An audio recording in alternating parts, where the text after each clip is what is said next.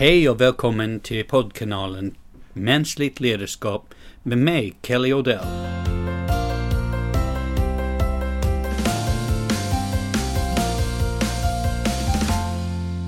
Jag sa det en gång på ett chefsmöte på Telia Sonera att om en meteor skulle slå ner i möteslokalen och döda oss allihopa skulle det inte märkas på fem sex år i verksamheten.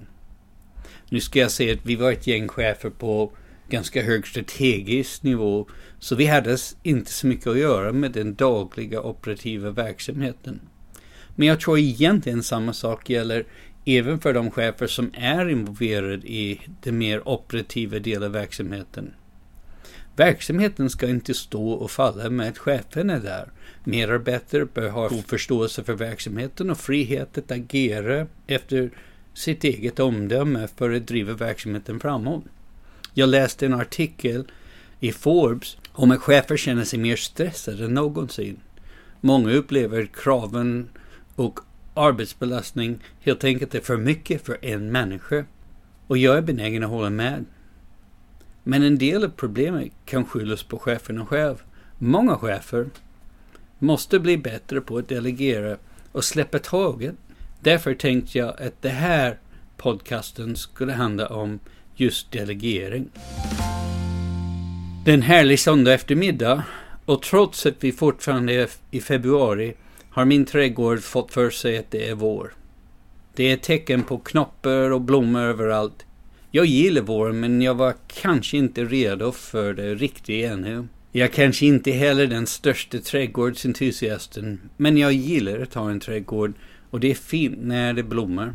För mig är högtiden i trädgården när äppelträden och körsbärsträden blommar. Det är en väldigt kort men otroligt vacker tid på året.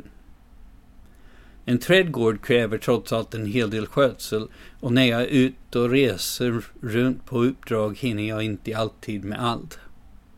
Som tur är så har mina barn börjat komma upp i den ålder att de kan hjälpa till lite mer runt huset. Igår arbetade jag flera timmar i trädgården med min snart 14-åriga son.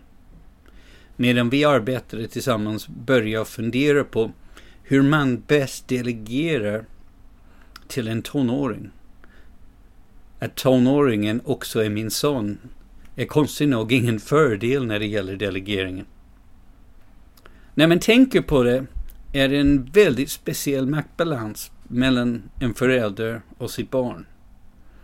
När barnet börjar bli tonåring och testar sitt oberoende och skapar sitt eget liv är det mycket som händer i relationen.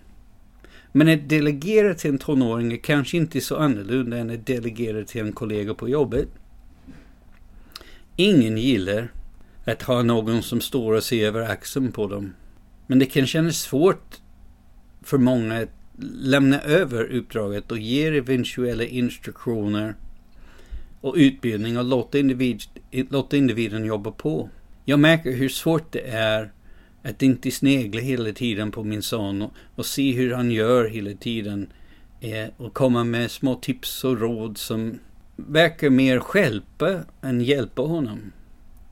Detta resulterar i minskat engagemang hos honom och betydligt lägre effektivitet hos oss båda. När jag skrev boken Mänskligt ledarskap, 10 budord för den ofullständiga ledaren funderade jag på om jag verkligen skulle lägga in en kapitel om att delegera.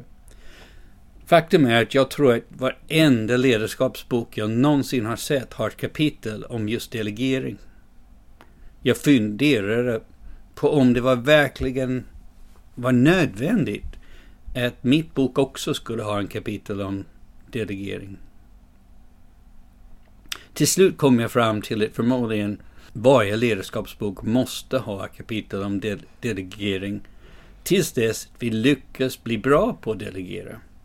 Jag tror att många chefer och medarbetare kämpar med delegeringen lika mycket som min son och jag gör i trädgården. En sak som jag tycker mig ha insett om delegering som inte ofta lyfts fram är att delegering kan innebära en minskning av risken i organisationen. I den tid vi lever i växer kontrollmomenten i många organisationer och mycket tid läggs på styrning och reglering av verksamheten. I värsta fall kan detta resultera i en kraftig begränsning i vilka beslut medarbetare själv får fatta i sitt dagliga arbete. När jag var försäljningsansvarig för Volvo personbilar hade jag rätt att fatta beslut på, på utgifter upp till 10 miljoner kronor. Mina närmaste underordnade medarbetare som var regionchefer hade inte rätt att fatta egen beslut för någonting alls. Trots att, att de hade ansvar för att sälja för flera miljarder kronor var. Detta innebar att om en regionchef chef satt och diskuterade en försäljningsaktivitet med en återförsäljare var de tvungna att söka rätt på mig för att få eventuella kostnader för aktiviteten godkänd. Detta i sin tur innebar att jag blev en flaskhals. För att jag var ofta i möte och, hade, och var svår att få tag i. För att lösa problemet sade jag till mina regionchefer att så länge de höll sig inom ramarna för mitt beslutsmandat skulle jag automatiskt godkänna deras beslut i efterhand.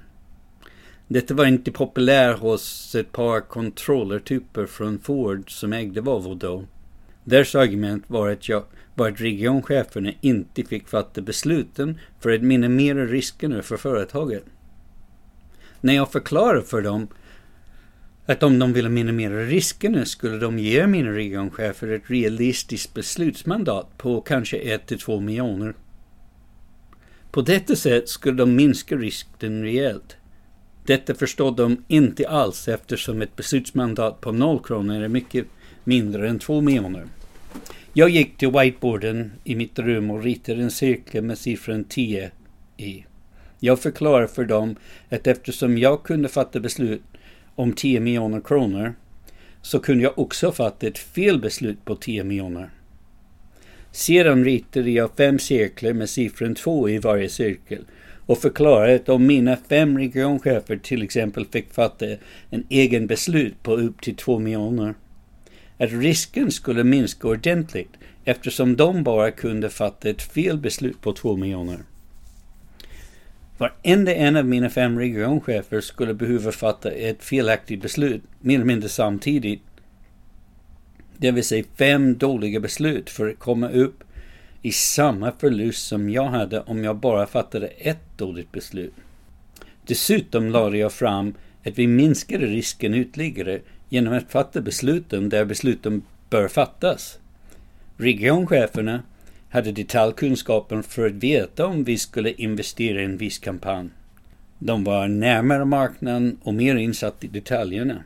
Att fatta den typen av beslut på min nivå i verksamheten minskar inte risken, det ökar den. Den vanligaste argumenten som lyfts fram för delegering är bland annat att det bidrar till ökad engagemang hos personalen och en starkare känsla av tillhörighet Ytterst insåg jag att det inte var min huvudsakliga uppgift att fatta kloka beslut. Det var mitt jobb att se till att kloka beslut fattades. Och det, och det vet jag av erfarenhet betyder att det oftast innebär att det är just jag som inte ska fatta beslutet. Oavsett om jag ska leda medarbetare på arbetet eller bara vara med när barnen lär sig att laga mat och klippa gräset kan det vara bra att komma ihåg Budord 2 från min bok. Våga delegera.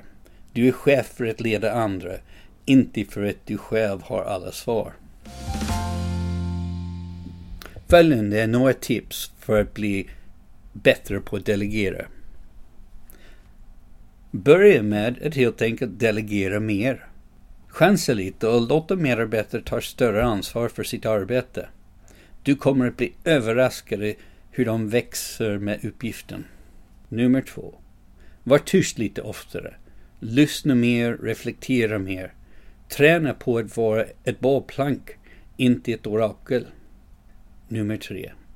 Lägg dig inte i allt och acceptera att medan medarbetare kanske inte gör saker exakt som du hade gjort dem, att de inte nödvändigtvis blir sämre för det. Det, det kan rent av bli bättre. 4.